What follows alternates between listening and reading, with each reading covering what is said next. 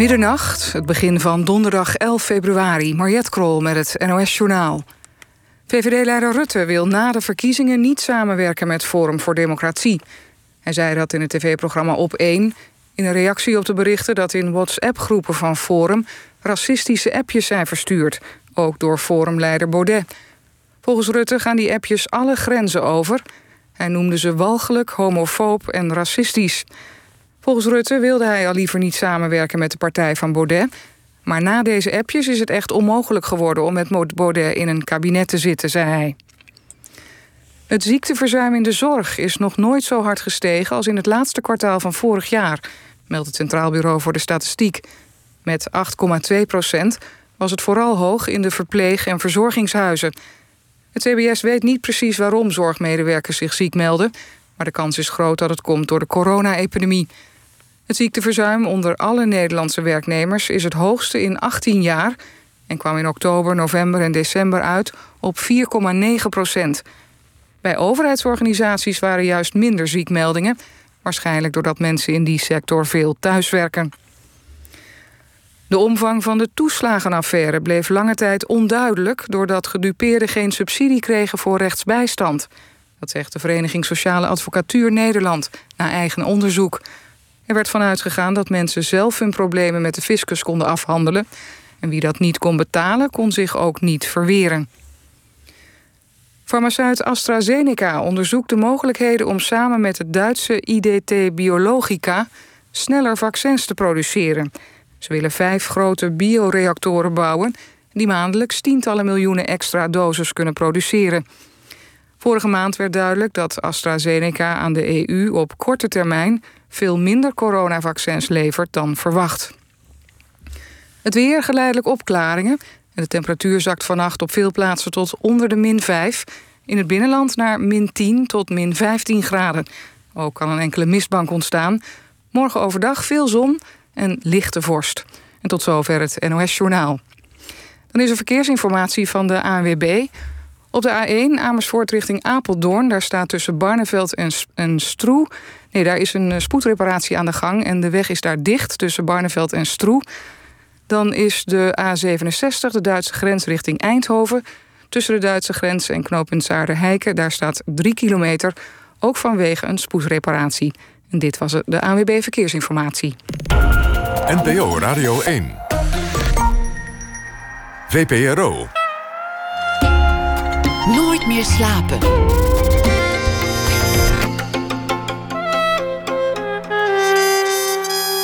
Met Pieter van der Wielen. Goedenacht, welkom bij Nooit meer slapen. Als jongetje stond hij in de boekwinkel in Nijmegen. Hij keek naar de grote stapel boeken van Stephen King en dacht: ooit, misschien, word ik ook wel zo'n schrijver. Jaren later tweette diezelfde legendarische Stephen King over hem. Het boek van de Nijmeegse auteur noemde Stephen King briljant en absolutely original. Thomas Oldeheuvelt, hij is uh, nu hier, horrorschrijver. Inmiddels in zo'n 30 landen vertaald en uitgegeven. Zijn uh, boek Hex betekende zijn grote doorbraak.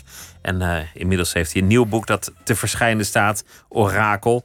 Er gebeurt iets mysterieus. Een 18e-eeuws quarantaineschip strandt in Noordwijk op het strand in het heden. En de autoriteiten zoeken meteen een manier om deze bovennatuurlijke waarheid te verdoezelen.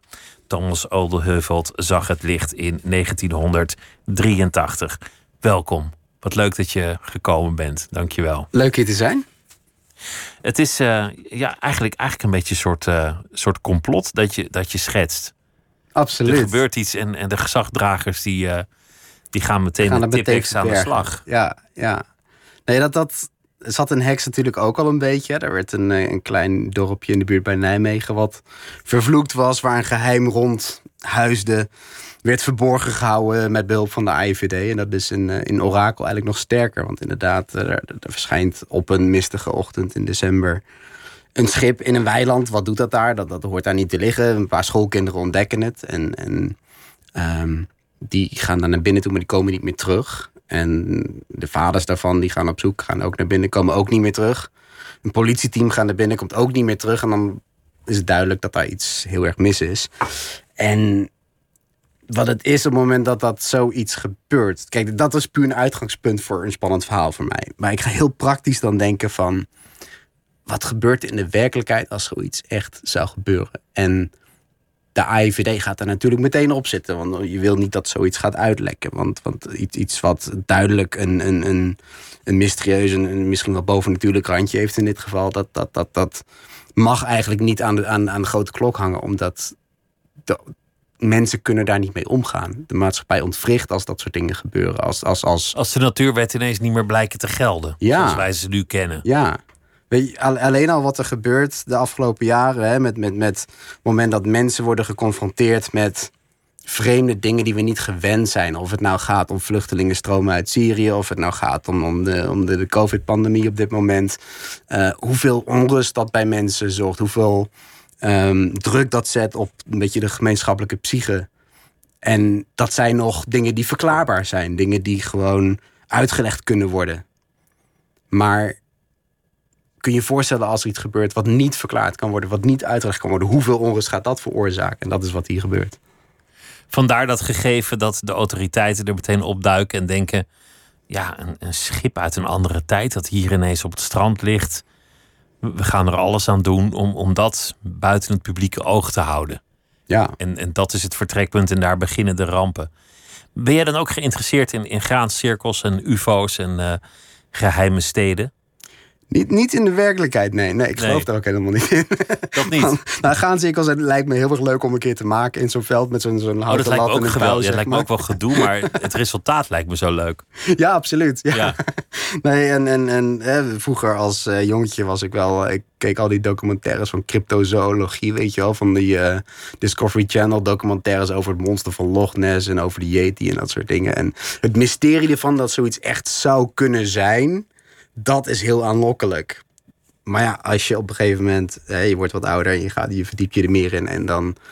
Uh, ik ben vrij geaard gewoon in, in, in, in de realiteit en in de, gewoon de, de verklaarbare wetenschap. En, en, en het is niet, je moet voor goede huizen komen, wil je mij van dat soort dingen overtuigen. De wereld is al complex genoeg zonder complottheorieën. En ja. het, is, het is in ieder geval een soort, soort wijsheid dat de simpelste verklaring vaak ook de beste is. Absoluut, absoluut. Maar als je gelijkwaardige verklaringen lijkt te hebben, kies dan de kortste weg. Nou ja, absoluut. Ja, dat is voor mij ook een heleboel complottheorieën. Maar die kiezen vaak de, de allerlangste weg. Ja, absoluut. Ja, ja, oh ja nee, ja, daar staat het internet vol van. Dat, dat zul je zelf ook weten. Van 9-11 tot uh, eh, JFK tot uh, de MH17 enzovoort. Maar um, nee, uh, het, het in, in, ik vind het heerlijk om, om in verhalen weg te duiken waar dingen niet echt kunnen. Waar, hè, in Netflix-series, in, in, in, in bioscoopfilms, in, uh, in, in, in goede boeken. Maar hè, dat, dat, dat is fictie en dat, dat, en dat, en dat schrijf ik ook. Dat, dat, dat vind ik leuk om te schrijven, dat soort verhalen. Maar met een zeker realisme. Je, je blijft in het hier en nu. Je schetst een samenleving zoals wij die kennen.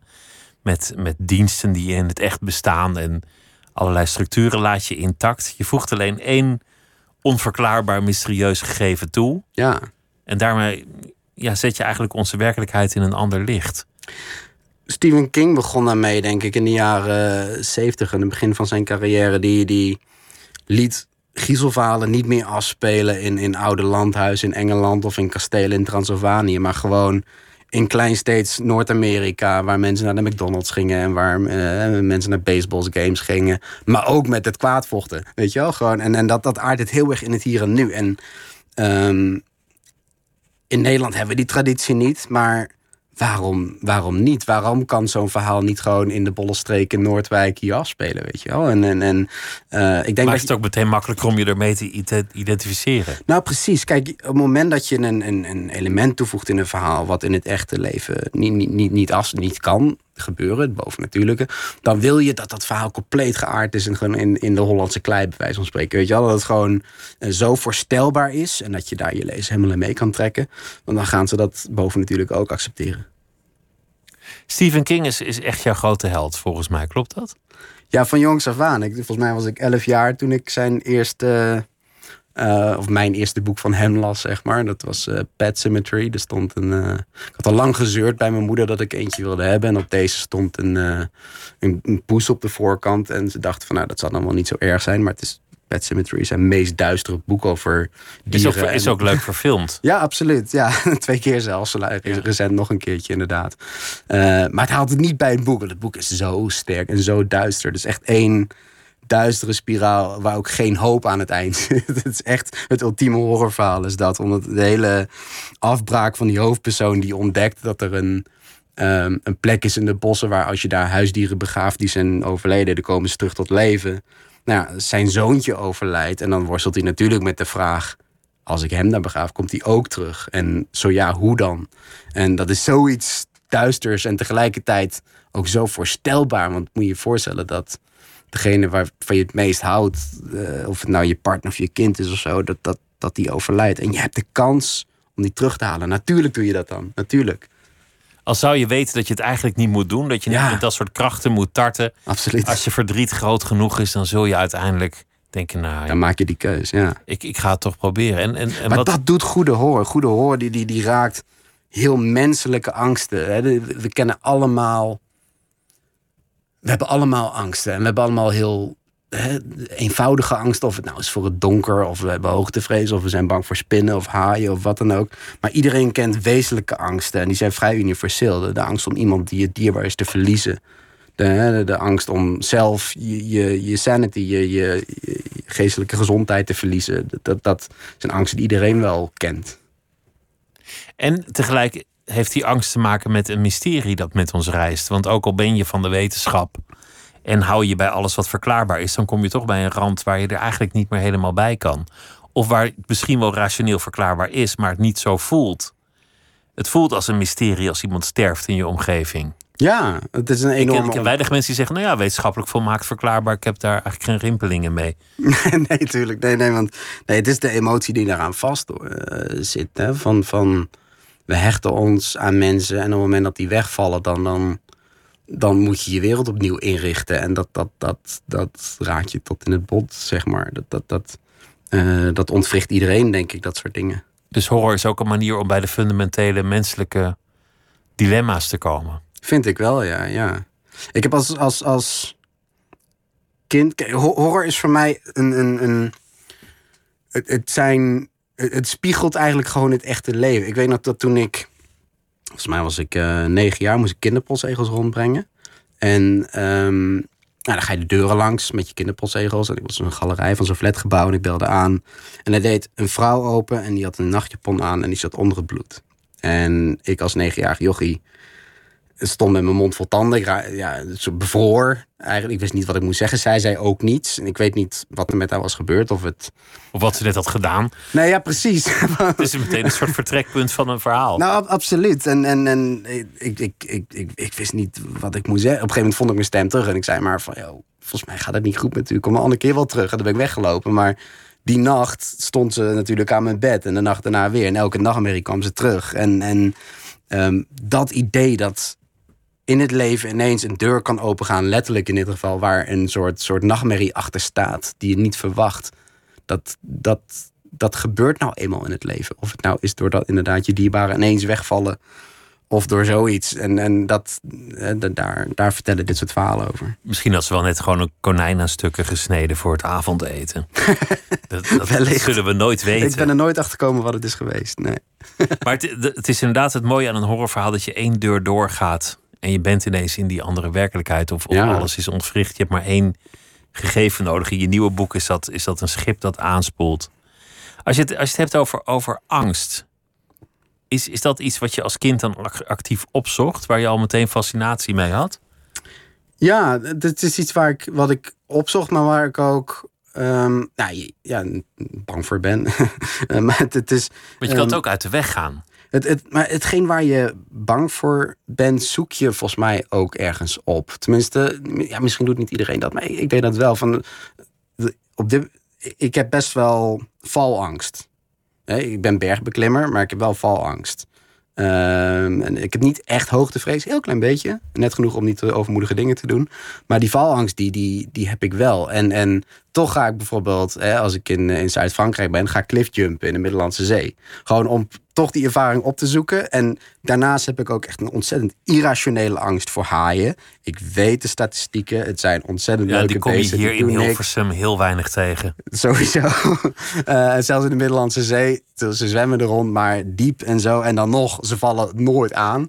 Eh, het zijn ontzettend mooie beesten. Alleen toch, ze hebben van die tanden en ze lijken van die enorme monsters. En elke keer dat ik van zo'n zo'n klif afspring, zeg maar, dan denk ik dat er ook zo'n haai onder zwemt, weet je wel. Maar eh, Is dan eigenlijk zo dat bergbeklimmen helemaal niet leuk zou zijn als je geen hoogtevrees had? Als je niet bang bent om te vallen en ook echt helemaal niet. je Dan moet, is er waarschijnlijk gewoon ook niet zoveel aan om tegen zo'n wand op te klimmen. je moet die grens opzoeken in jezelf. Anders zit die, anders mis je de uitdaging, denk ik, erin. Anders, eh, als je niet iets in jezelf overwint, dan, heeft, dan betekent het niet zoveel om zo'n berg te overwinnen. Dus angst is iets dat je graag opzoekt. Dat gevoel dat, dat iets eng wordt, dat er geen vaste grond onder je voeten lijkt te zijn, is iets wat je lekker vindt. Het beangstigt je, maar daardoor is het ook wel een soort van bevredigend. Klopt, en daarom kijken we zo graag eh, Stranger Things op Netflix bijvoorbeeld. Of daarom lezen we zo graag een boek van Stephen King. Of daarom gaan we naar de achtbaan toe, terwijl we eigenlijk er bang voor zijn, weet je wel. Gewoon omdat het zijn veilige manieren om die angst te kunnen opzoeken. En, en de spanningen die je in het dagelijks leven opbouwt, gewoon vrij kunt laten. Omdat we weten dat we stiekem toch wel veilig zijn. Moet ik je dan omschrijven als een bang persoon of juist helemaal niet? Ik, nou, ik vind mezelf geen bang persoon. Ik, ga, de- ik zoek dingen juist op. Ehm, ik, ik zal heel eerlijk zeggen. ehm, ik ga niet in mijn eentje. Ik, ik woon, in het, eh, ik woon op de Mokerheide in het bos. En ehm, ik ga niet in mijn eentje. Als ik alleen thuis ben in het donker een horrorfilm kijken. Gewoon, dan kun je me opvegen, zeg maar. Eh, dan zet Als ik een liever goede com- is. Ja. nou ja, absoluut. Dan, dan, dan, dan, dan, dan eh, zet ik liever een comedy op.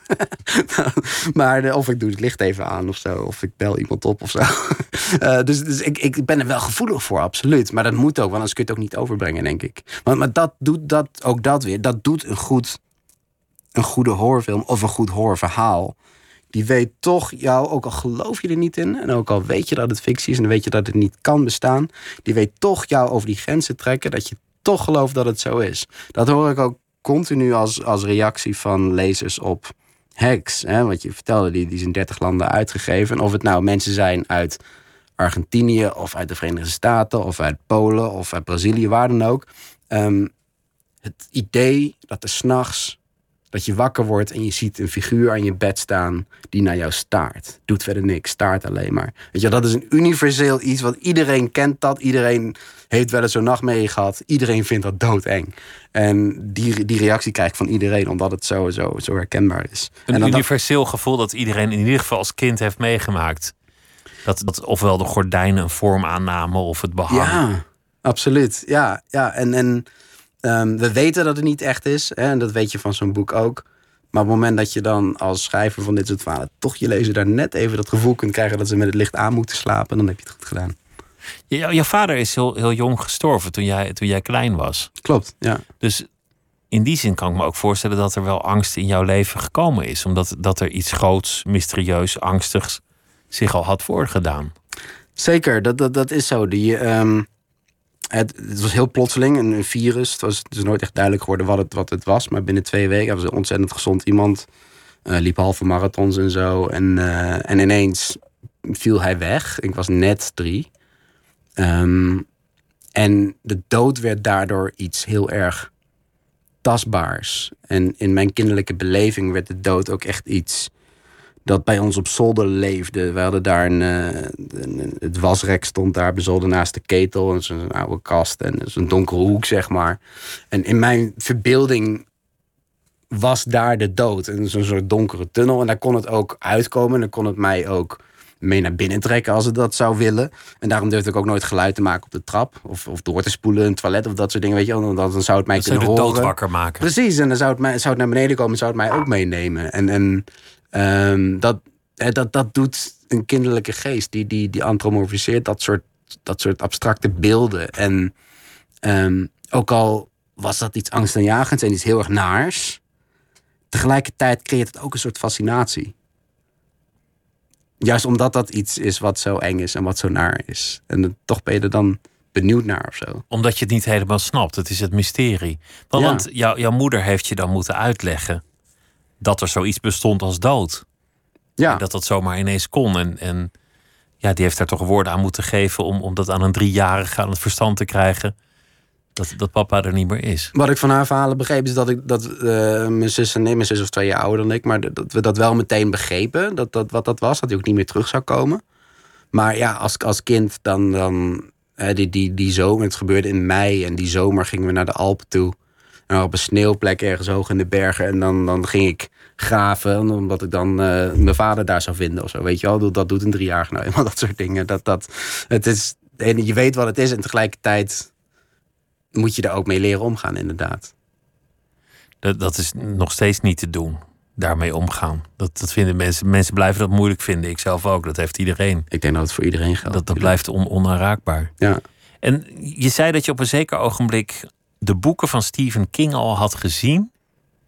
Toen je klein was en toen dacht, dit, dit, dit, dit is iets wat ik wil lezen. Dit is iets wat bij mij hoort. Ja, ja, want ik had toen alle Paul van Loons en Roald uit. En eh, nou ja, toen ging ik meer naar de, de volwassen afdeling van de bibliotheek of in de boekhandel. Dat was een, eh, zo halverwege jaren negentig was ook dat was een beetje het hoogtepunt van Kings populariteit in Nederland. Met al echt twintig boeken van hem, weet je wel, die tegelijkertijd in de boekhandel stonden. En ik kende al die achterflaps uit mijn hoofd en ik ken al die teksten en zo. Maar ja, mijn moeder vond me waarschijnlijk terecht nog te jong. en, eh, ehm, maar inderdaad, maar toen had ik al wel zoiets van... ja, dat wil ik later ook gaan doen. Want ik, ik schreef toen al mijn eigen verhaaltjes. Meestal met het idee, dat wordt een heel boek. Maar dan belde een vriendje om te gaan voetballen. Dan ging ik voetballen, vergat ik het weer. Maar, Maar eh, wel in het, in het genre. wel altijd dat soort verhalen, zeker, ja. Ik denk dat het ook is aangestoken door mijn opa. Want die vertelde altijd van die... ehm, ja, een beetje Roald Dahl-achtige verhalen. Een beetje die bizarre verhalen die niet, helemaal, niet helemaal geschikt zijn voor kinderen, weet je wel. Dat is een gemene twist eraan.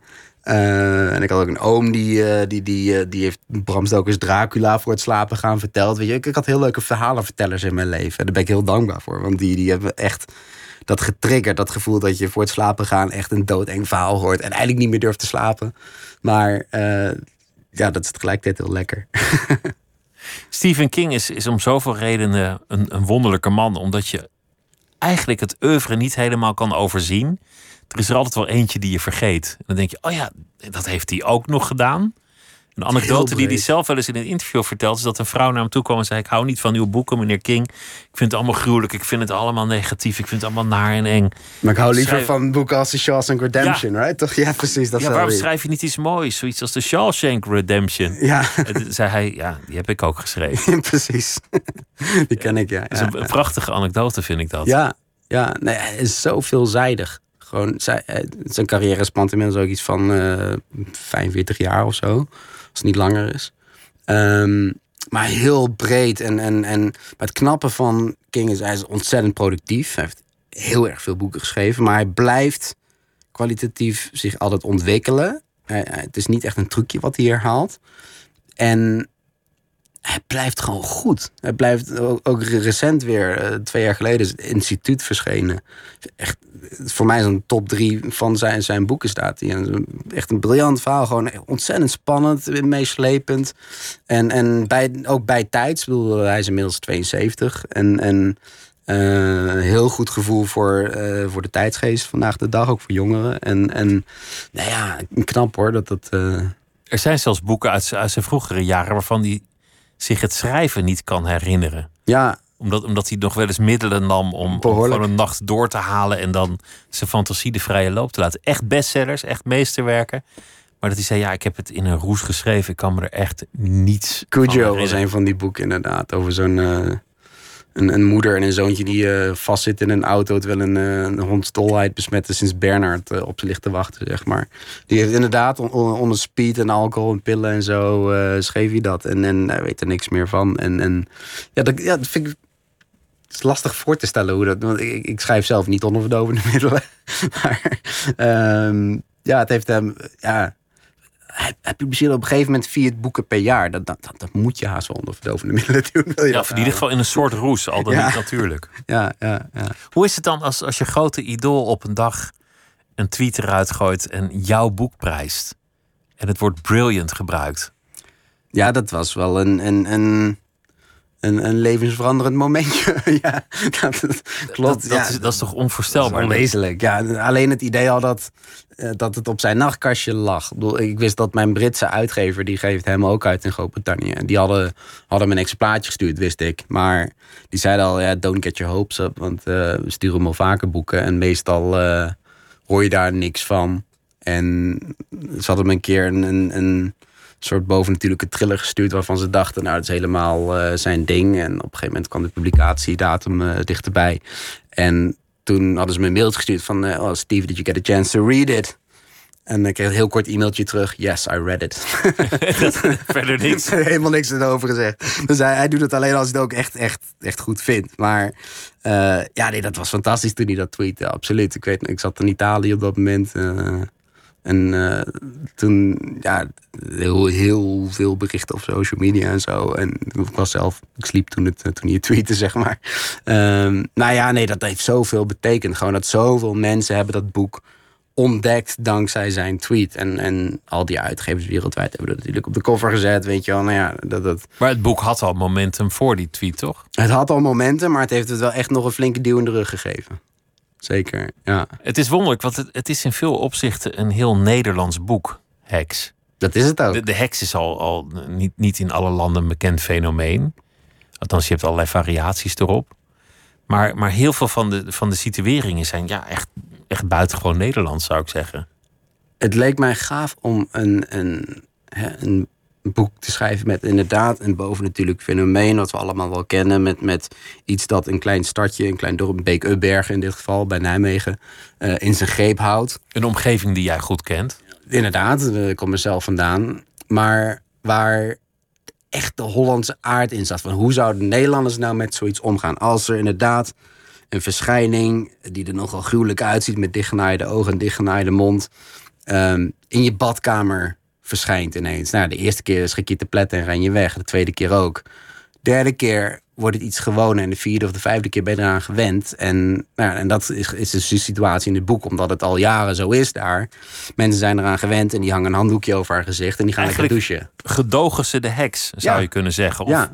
of besluiten om, om nou ja, de heks de natuurlijke ruimte te geven. En je kunt niets anders. Want op het moment dat er zo... Net als met hoe Nederlands om, omgaan met het water. Het is er, weet je wel. We bouwen de dijken tegen. En daar moet je er gewoon praktisch mee leven. En zo is dat met die heks in, in, in heks ook inderdaad. Wat voor reacties heb je daarop gekregen in het buitenland? Want, want ik kan me voorstellen dat in de Verenigde Staten de natuurlijke neiging zou zijn om de heks kapot te schieten. of, of de sheriff erop af te sturen. Ja, ja. Nee, ehm, kijk, dit is voor de Amerikaanse. Toen het in Amerika werd verkocht, toen heb ik het geherlokaliseerd naar een Amerikaanse setting. Maar dat element heb ik gelaten. Want ehm, ik, ik wil, dat heb ik gedaan omdat ik wil een soort herkenbaarheid scheppen voor, voor de Amerikaanse lezer. Omdat dit soort fictie. Die heeft als eerste doel om gewoon bij je binnen te komen, je emoties te raken, je bang te maken. Dus, dus waar speelt het zich dan af in de Amerikaanse versie? In eh, Black Spring, New York. Een stadje twee uur ten noorden van New York City. En ehm, ja, je, je, je moet die herkenbaarheid hebben in dit genre om echt die pure emotie van angst te kunnen raken. Op het moment dat je te veel rationeel gaat nadenken, goh, wat is de norm voor al die mensen, weet je wel? Wat, waar, zijn ze bang voor, waar niet? Dan, dan, dan staat dat die pure emotie in de weg. Dus daarom heb ik het dus met, naar een nieuwe, nieuwe setting verplaatst. Maar dat Hollands heb ik erin gelaten. Hoe praktisch die mensen allemaal met haar omgaan. En ze moet natuurlijk uit het zicht worden gehouden. Dus op het moment dat het Pasen is en ze staat in de supermarkt... dan zet ze een grote Pasa's pop overheen, weet je wel. Gewoon heel praktisch, gewoon... eh, ja, ze moet even uit de weg, dus ja. Ehm, dat, dat, dat, Dat onderkoelde. Maar, maar begreep iedereen dat? Of vonden ze dat juist een. een Nou, ik denk dat dat het verfrissende is. Ik denk dat dat ook het, het element is wat, wat ik als Nederlander breng in mijn verhalen. Wat anders is dan wat de, de- het gros van de schrijvers van het genre die uit Groot-Brittannië of Amerika komen doen. Ehm, en in ieder land heeft het weer een ander effect. Dat heb ik wel gemerkt. Ik ben eh, in 2018 op tournee geweest. eh, Zuid-Amerika, Noord-Amerika, Azië. En in, in China bijvoorbeeld had dat het boek een totaal ander effect weer. Omdat daar. Hè, wat, wat gebeurt om- Omdat ze dit geheim hebben in dit boek.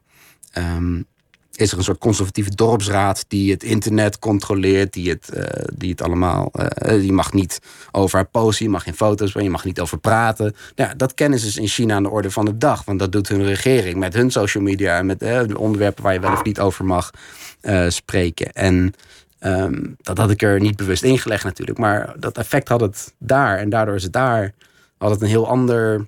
Die hadden dat er weer uit. Ja, precies. En dat, is, dat vond ik wel mooi. Dat, dat, dat, dat een boek op veel manieren kan werken. Is het eigenlijk een, een rechte lijn? Want je, want je zei dat je als kind geïnteresseerd raakte in verhalen. Dat je al heel jong dacht, ik word horrorschrijver. Is het ook zo gegaan? Of heb je toch nog zijpaden bewandeld? Of twijfel gehad? Of momenten dat je dacht, ik ga helemaal geen horrorschrijver worden? Weinig. Ik heb uh, mijn eerste boek schreef ik uh, volgens mij in de vijfde en de zesde. Um, ik heb toen, het was hetzelfde moment dat ik ook gitaar begon te spelen. Vond ik wel, uh, gewoon elektrische gitaar, vond ik leuk om te doen. Uh, en toen had ik nog even het idee, oké, ik ga, ik ga uh, rockgitarist worden. Dus ik ben auditie gaan doen voor de Rock Academie in Tilburg. En uh, ik had nog te weinig podiumervaring. Want ik speelde ook nog maar heel kort. Maar die zeiden van ja, als je nog wat ervaring opdoet over een paar jaar, dan laat je waarschijnlijk wel toe, maar nu niet. Ehm, ja, toen ben ik maar naar een kunstopleiding gegaan in Utrecht, Hogeschool voor de Kunsten. Design for Virtual Theater and Games heette die opleiding. Oh, dat, en dat ging ze, eh, kon je verhalen bedenken, die gingen dan verfilmen met behulp van computeranimaties. Nou, die opleiding, opleiding bleek ook niet helemaal te zijn wat ik wilde. Ik had iets meer verhalend aspect verwacht. Maar daar heb ik wel mijn eerste uitgever leren kennen via een klasgenoot daar. Want ik had dus dat eerste manuscript liggen. En dat boek kwam dus uit. En toen dacht ik, oké, okay, nou ga ik me ook hier volledig op richten dan ga ik iets studeren wat, uh, waar ik ook het meest aan heb. Ik ga Amerikaanse literatuur studeren. American Studies en Engels. Um, omdat Amerikaanse literatuur, die ik van jongs af aan al, al heel veel las. Niet alleen horror overigens, maar over het hele spectrum van de literatuur daar. Het is meer plot gedreven dan de Nederlandse literatuur. Daarom vond ik dat altijd leuk. Um, en toen ben ik me daarop gaan richten. Amerikanistiek heeft ook wel meer te bieden dan dat. Dus was dat helemaal een succes om dan al die andere dingen erbij te doen... terwijl je eigenlijk zo gedreven bent in dat ene ding wat je wil doen? Ja, maar ik denk je moet jezelf ook niet te veel beperken. En ik denk dat Amerikanistiek, dat is het leuke aan die opleiding... is dat het ontzettend breed spectrum aan, aan allerlei facetten heeft. Het, is, het is heel veel cultuur en kunst, van, van Hollywood tot Broadway tot uh, de literatuur. Maar ook de, ook politicologie, het rechtssysteem, eh, geografie, sociale geografie, al, al die onderwerpen, een stukje geschiedenis. En met de focus op de Verenigde Staten, maar met alle internationale betrekkingen erbij. Het is een heel brede, een brede opleiding. En het heeft bij mij het effect gehad dat het gewoon mijn algemene kennis gewoon ontzettend heeft verbreed. En daar heb ik ontzettend veel aan gehad. En dat gebruik je ook wel in je, in je boeken. Hoe, hoe is het eigenlijk gegaan dat je, dat je het zo internationaal hebt gemaakt? Want, want normaal zijn dit ja, boeken waar in Nederland uitgevers helemaal niet op staan te springen. En die ook helemaal niet zoveel aandacht krijgen. Die zelden gerecenseerd worden. Dan heb Klopt, je dat was zo, ja. Ja, dan heb je zo'n bladzijde achter in de krant. Oh ja, dit is ook nog verschenen. Ja. En daar komen dan de genreboeken in. Ja, ja dat was uh, voorheen. Ik merk wel dat dat nu wel echt aan het veranderen is. Ook in de slipstream van alle popculture, weet je wel. Van de Netflix-series en de films. Maar inderdaad, dat is zo. Um, mijn uitgever vroeger, die zei ook uh, toen ik... Uh, aan het begin van mijn carrière stond, zei ook van ja, het is leuk als je een internationale carrière wil en zo. Maar dat is ook niet ons, uh, waar we ons op richten of zo. Dus dat moet je, dat moet je uh, een groot deel zelf achteraan zal je moeten gaan. En, nou, dat is toch wel een opgave. Daar moet je even zelf achteraan. Nou ja, precies. Ik begrijp het ook hoor. Want, want, want ja, een Nederlandse uitgever die, die, zit, heeft gewoon zijn Nederlandse markt. En, en er is niks mis mee. Maar um, mijn ambitie lag veel groter dan dat. En, en ik ben vrij ondernemend ingesteld in die zin. Van ik vind het heel erg leuk om helemaal in mijn eigen wereld te zitten. Op mijn eigen. Uh, vroeger op mijn eigen zolderkamertje. Op dit moment mijn eigen schijfhuisje in het bos. Waar ik uh, gewoon in mijn eigen verhaal duik. Maar tegelijkertijd vind ik het ook heel erg leuk om naar buiten te gaan. En lezers te ontmoeten, uitgevers te ontmoeten. Gewoon over de wereld te gaan. En dat heb ik eigenlijk vanaf volgens mij 2008. Toen was mijn derde boek verschenen. toen ben ik dat gaan proberen waar te maken. Dus ik ben naar, naar Engeland gegaan, naar Amerika gegaan, naar conventies waar uitgevers en literaire agenten en schrijvers allemaal bij elkaar kwamen. En eh, okay, dus veel investeren in mijn eigen carrière in die zin. Van, niemand betaalde dat natuurlijk voor me, dus dat moet je allemaal zelf doen. Dus zuinig leven, het geld dat je had, daarin steken. Ja. Zelf vertalingen betaald ook? Klopt. Ik heb uh, gefinancierd, uh, zowel uh, zelfs, zelfs voor Hex. Van, dat was het eerste boek. Ik heb daarvoor een aantal korte verhalen laten vertalen. dat is niet goedkoop. En, maar goed, een voorbeeld van, ik won een keer met een kort verhaal een prijs. Die, die prijs was 750 euro. Ik heb erbij gelegd, want die vertaling die ik moest uh, kosten was 1000 euro.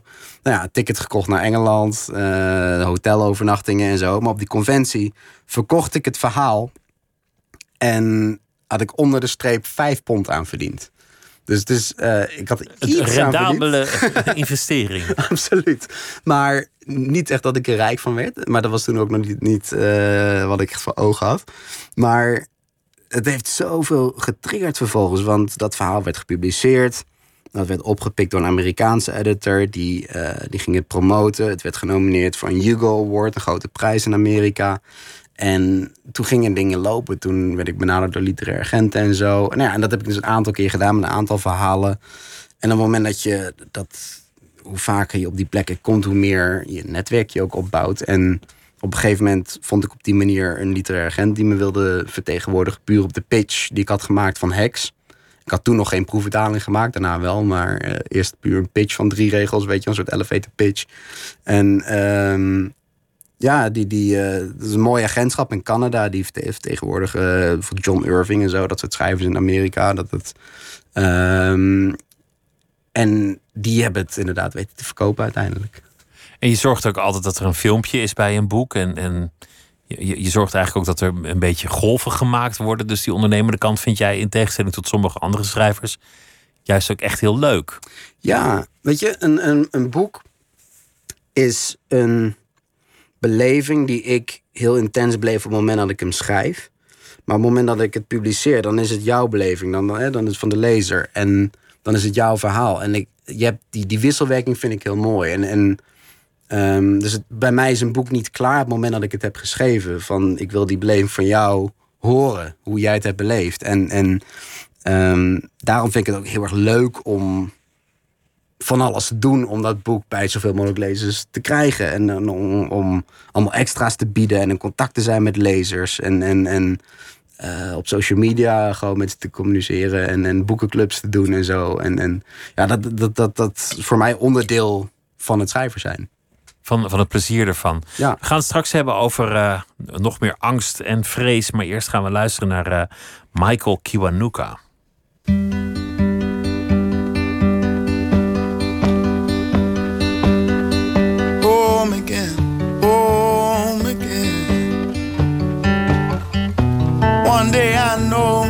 I feel home again. Wrong again, wrong again. One day I know I feel strong again. I lift my head.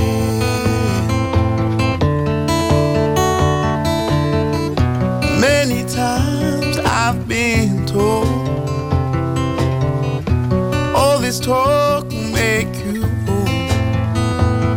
So I'll close my eyes, look behind, moving on moving on. So I'll close my eyes and look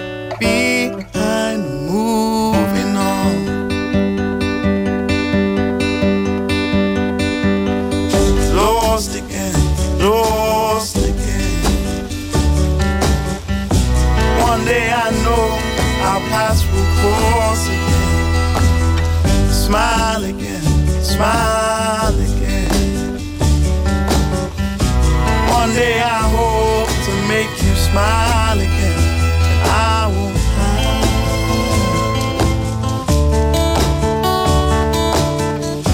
Many times I've been told,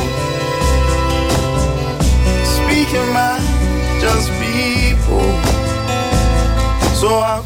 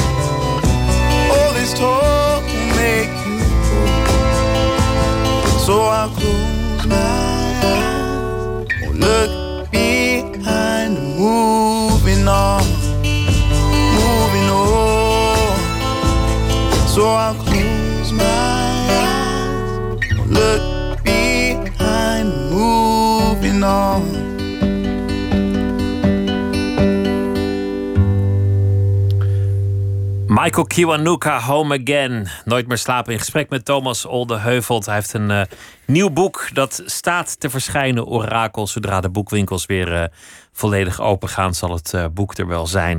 Het gaat over een quarantaineschip dat ineens aanspoelt in een andere tijd op een andere plek in Noordwijk. En de mensen die het ontdekken hebben een probleem, want de autoriteiten willen het verdoezelen.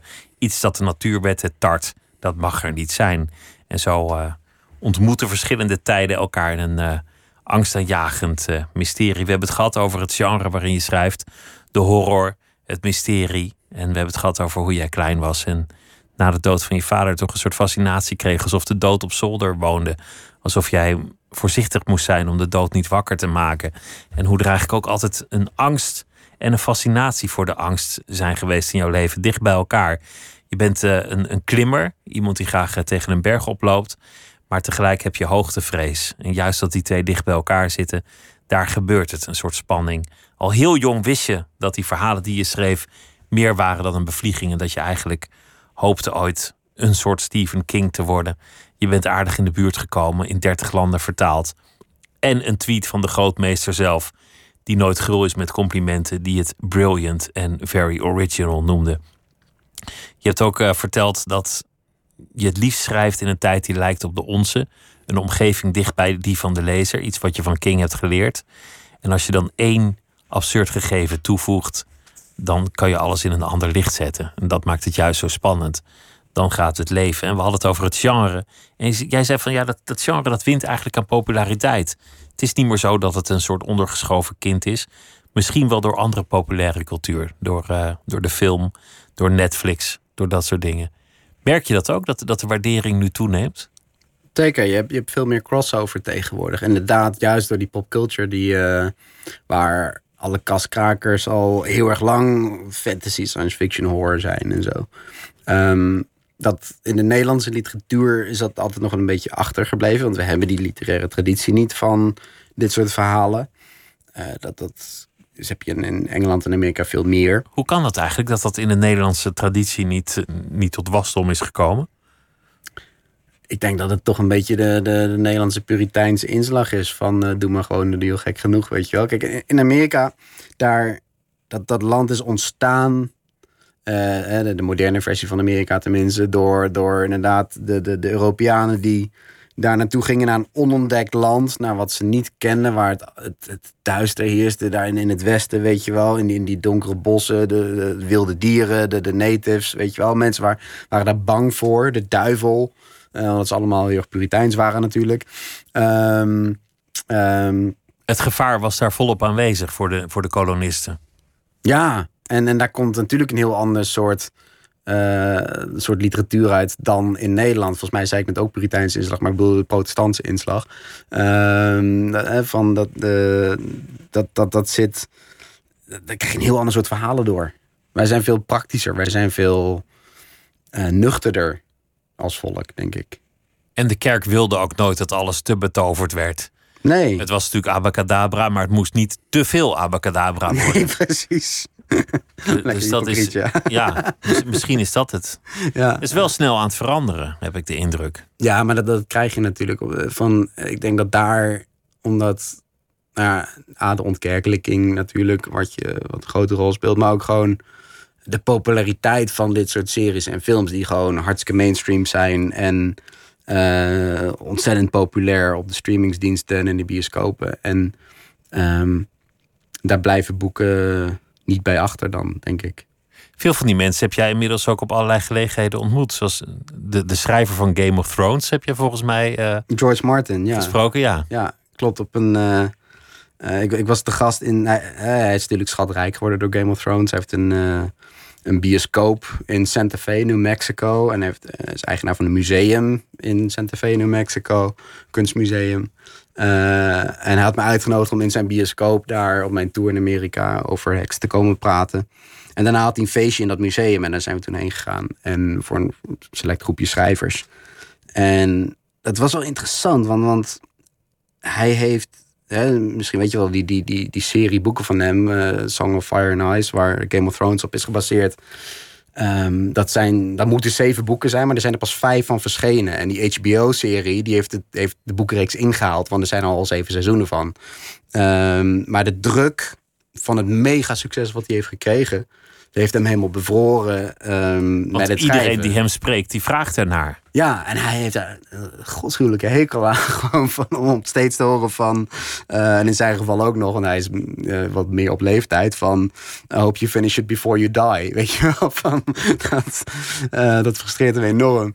Maar um, ja, en, en dat herkende ik wel. Want ik heb bij mij overviel het succes van Hex mij enorm. En dat staat niet in verhouding met Game of Thrones. Maar he, ik gewoon als simpele Nederlandse jongen, weet je wel, gewoon die in één keer als je inderdaad dat boek gelauwerd wordt in zoveel landen. En dat is fantastisch. Alleen tegelijkertijd legt dat de druk er zo enorm op. En dat heb ik wel ervaren. En juist George Martin, die, die, die, die zei van ja, joh, dat moet je.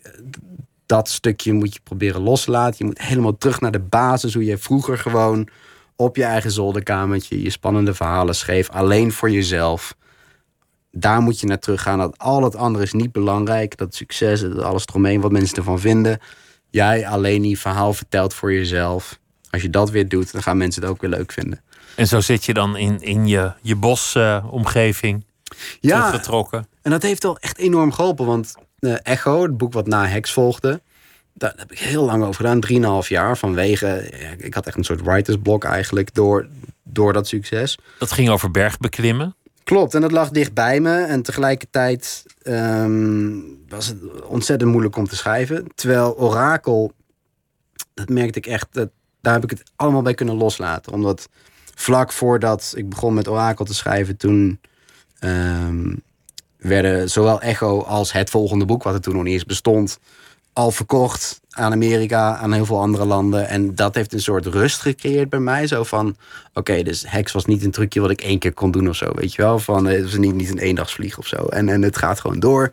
En dat schept een soort, soort rust bij mij, waardoor ik gewoon echt dat plezier gewoon weer terugvond van vroeger. Wat, precies wat George ook zei. En, en dat lees je denk ik ook aan Orakel af. Dus met ontzettend veel plezier geschreven. Ik heb echt heel veel lol bij gehad. Jij schrijft over de omgeving waar ik woon. Ja. En al heel lang. En dat doe, je- dat doe je met enorme zorgvuldigheid.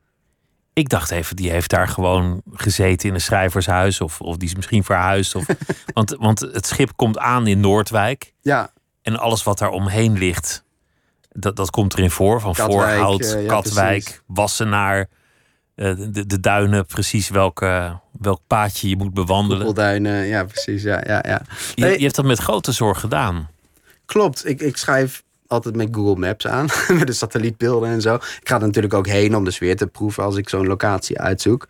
Maar dat vind ik leuk om te doen. En, en ik heb natuurlijk met Hex heel erg eh, die regio Nijmegen eh, gedaan. En, en daar eh, ook veel reactie van mensen uit die buurt van dat het heel erg herkenbaar door is. Maar ik vind het leuk om te horen dat het dus in deze regio ook werkt. Regio Leiden, zo noem ik het maar. Ja, ja. Ja, nee, maar dat, dat, omdat dat, dat is niet de plek waar ik zelf vandaan kom. Maar nee, ik probeer dan wel echt alles helemaal eh, in, die plek te focussen. En, Want je kan moeilijk een strand toveren in Nijmegen of daar een schip laten aanspoelen. Nee, ja, je hebt de Waal, maar ja, dat, eh, dat werkt niet zo. Die, die, die boten zijn niet zo groot. Het, het gegeven, wat is het eigenlijk voor gegeven? Want het ging om een quarantaineschip waar ooit in, in de 18e eeuw patiënten op werden weggestuurd als ze te besmettelijk werden geacht. Ja, je had toen in die tijd eh, nog de laatste pokkenplagen waren op dat moment. Ehm, ik wilde er bewust, ook als hè, ik heb het boek het afgelopen jaar geschreven in lockdown.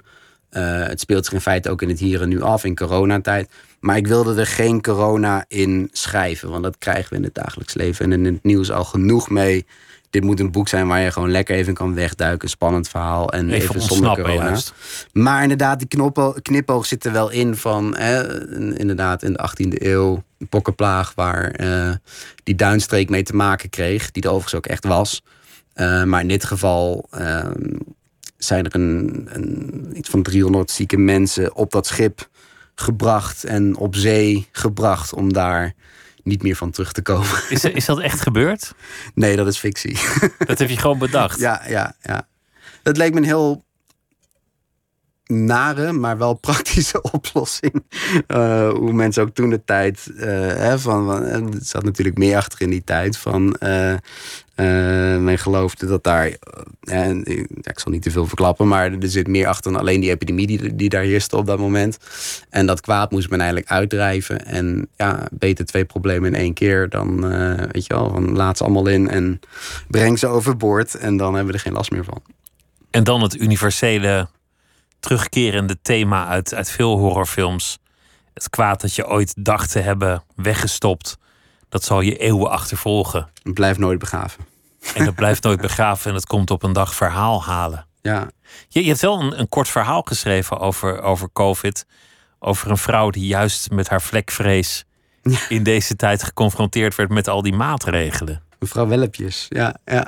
voor, voor, ik weet niet, voor de Nudense krant of voor wat was het? Een Nee, dat was voor het? CPMB. Die, eh die, die is een, actie met een aantal korte verhalen inderdaad. Een aantal schrijvers. Voor, juist in covid-tijd gewoon lekkere korte beleving. Eh dat kun je online vinden, volgens mij ook het verhaal. Ehm, over een vrouw met extreme smetvrees die... die zo bang is voor al die, eh, die virus, bacillen en zo. En, en die, die zichzelf tot letterlijk het bot toe gaat ontsmetten, geloof ik. ja. En die uiteindelijk eh, loopt het slecht met haar af. Terwijl het Ja. eigenlijk haar tijd zou moeten zijn met al die maatregelen. Ja, voor, voor iemand met vlekvrees. ja. Er er zijn heel veel boeken in het genre geweest die al een pandemie hebben behandeld of voorspeld of, of iets soortgelijks. Soms een pandemie als opmars naar een dictatuur. Soms een pandemie die, eh, nou ja, die, die gevolgen heeft voor mensen en hun psychisch welzijn. Soms de doden die terugkomen worden weggestopt. Ja. Eigenlijk is de pandemie een van de pilaren van, van het horrorgenre. Zeker, ja. Je hebt eh, inderdaad het hele zom- zombie-genre. Is daar Night of the Living Dead en Dawn of the Dead en zo. is allemaal op gebaseerd in feite. Ja, want als iemand je aanraakt, dan word jij ook een zombie. Ja, ja. En eh, je had natuurlijk The Stand van Stephen King. Je had eh, The Plague van eh, Albert Camus. Ehm, ja, er zijn heel veel van dat soort... eh, dat, het, is, het is een terug, terugkerend thema. En het zal de, gestoorde wetenschapper die ook, iets eh, opgraaft, wat hij ja. niet moet doen. Ja, ja, en dat zal de komende jaren ook vast meer, meer terugkomen in, eh, in verhalen. En Wat was het moeilijk voor jou om het, om het helemaal uit je boek te houden? nee, nee, omdat het echt een ander boek is wat daar gewoon echt niet over gaat. ehm, heb ik het ook heel lekker naast me neer kunnen leggen eigenlijk. En ik, hè, van wa- wat je zegt, van het is een thema wat, wat veel wordt gebruikt.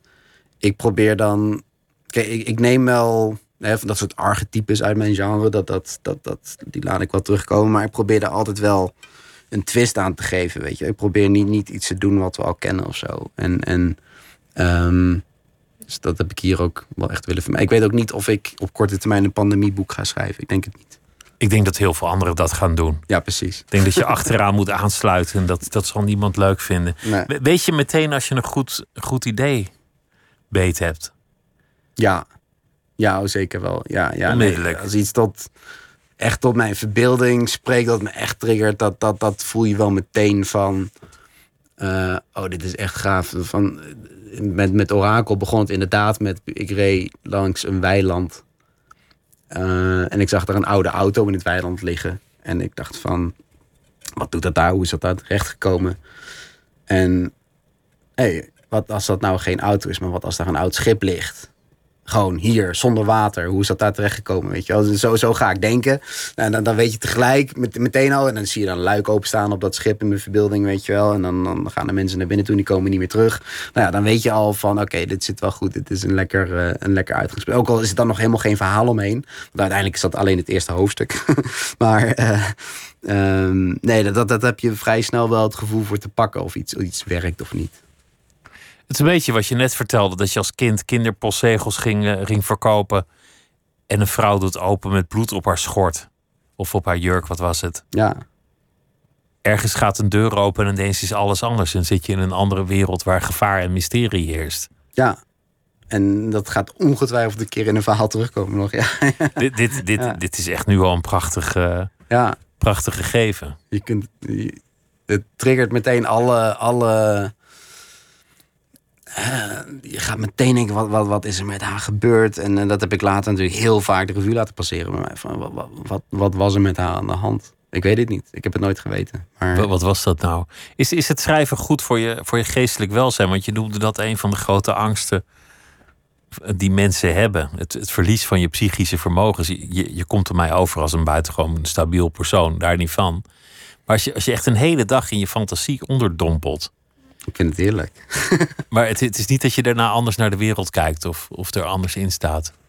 Nee, maar ik denk, eh, ik heb ook, um, ik denk ook dat je dat niet moet doen. Ik, denk, ik heb een omgeving die me heel erg geaard houdt. Um, uh, mijn partner, gewoon de mensen met wie ik werk, allemaal eromheen. Uh, maar ook ikzelf van. Ik, ik, ik zit dan continu in zo'n verhaal wat, wat, waar, wat best wel griezelige scènes heeft, best wel duister is af en toe, best wel spannend. Maar als ik dan iets opzet, dan kijk ik gewoon John Oliver of iets komisch waar ik om moet lachen, weet je wel. Van, en ik luister vrolijke muziek. En, en, dus het is niet dat ik helemaal daarin verdwaal of zo. Je komt er gewoon uit. En ja. wordt op een gegeven moment natuurlijk ook gewoon heel technisch. Want je moet al die scènes ook nog maar op papier krijgen en opzien te lossen. En... Ja, zo beleef ik het niet als ik het schrijf. Want als ik, als ik schrijf, dan word ik wel echt meegesleurd door een verhaal. Ik ben niet iemand die zo'n heel boek van tevoren helemaal uitplot ik wil wel een beetje weten waar ik naartoe ga. Ik, wil een goed, ik heb een goed idee nodig en het idee van de eerste paar hoofdstukken van nou, die richting ga ik uit.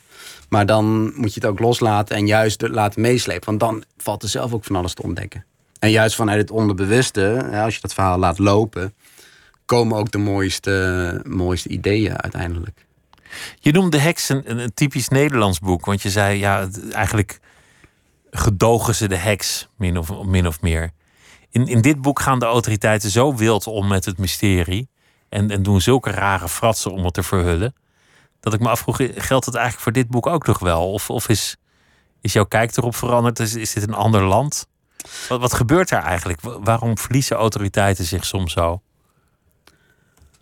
Ze hebben toch echt die neiging om, om het volk te beschermen tegen de wetenschap van iets wat je kan ontwrichten. En, en daar gaan ze ver in. Hè? Die, die, de hoofdpersoon is een jongen die dat schip inderdaad ontdekt in feite. Hij en zijn moeder, hij, hij is zijn vader in het schip zien verdwijnen. Hij en zijn moeder worden opgepakt, worden in de duinen vastgezet dagenlang. Uh, worden daarna gemonitord continu in huis, want ze mogen er niet over spreken. Worden toch in zekere zin vrijgelaten, maar toch niet helemaal. En Um, ze gaan daar heel ver in, inderdaad. En dat gaat van kwaad tot erg. En ondertussen maken ze, maakt die, uh, de, de IVD, of ja, die, die geheime instelling bij de IVD, die maakt uh, die, die vrouw daarbij, die is corrupt, die dat leidt. Die maakt deals met verkeerde regimes om dat schip te kunnen exploiteren. Um, dus ja, er gaan allerlei verschillende belangen een rol spelen. En daar verliezen ze zich uiteindelijk ook in. En daarom gaat het uiteindelijk natuurlijk ook helemaal mis. Maar goed, nu gaan we spoilen. Dat moeten we niet doen. Ik zal niet te veel gaan spoilen, nee. Orakel heet het boek en het uh, ligt in de winkels. Nu nog de winkels open. Thomas Oldeheuvel, dank dat je langs wilde komen. En ik wens je heel veel uh, plezier met alle avonturen die je gaat beleven. Ook weer met uh, dit boek. Dank je wel. Dank je wel. En dit was Nooit meer slapen voor deze nacht. En uh, zometeen kunt u luisteren naar uh, Miss Podcast met Misha Blok. En morgen dan is niemand minder dan fotograaf Riendeke Dijkstra hier te gast. Vanwege de Johannes Vermeerprijs die ze volgende week krijgt uitgereikt voor haar kunst. En straks bij Miss Podcast Ronald Gippard. Goeienacht, tot morgen.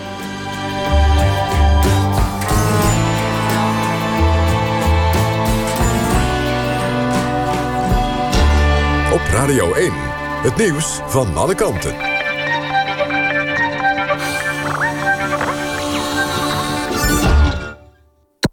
NPO Radio 1.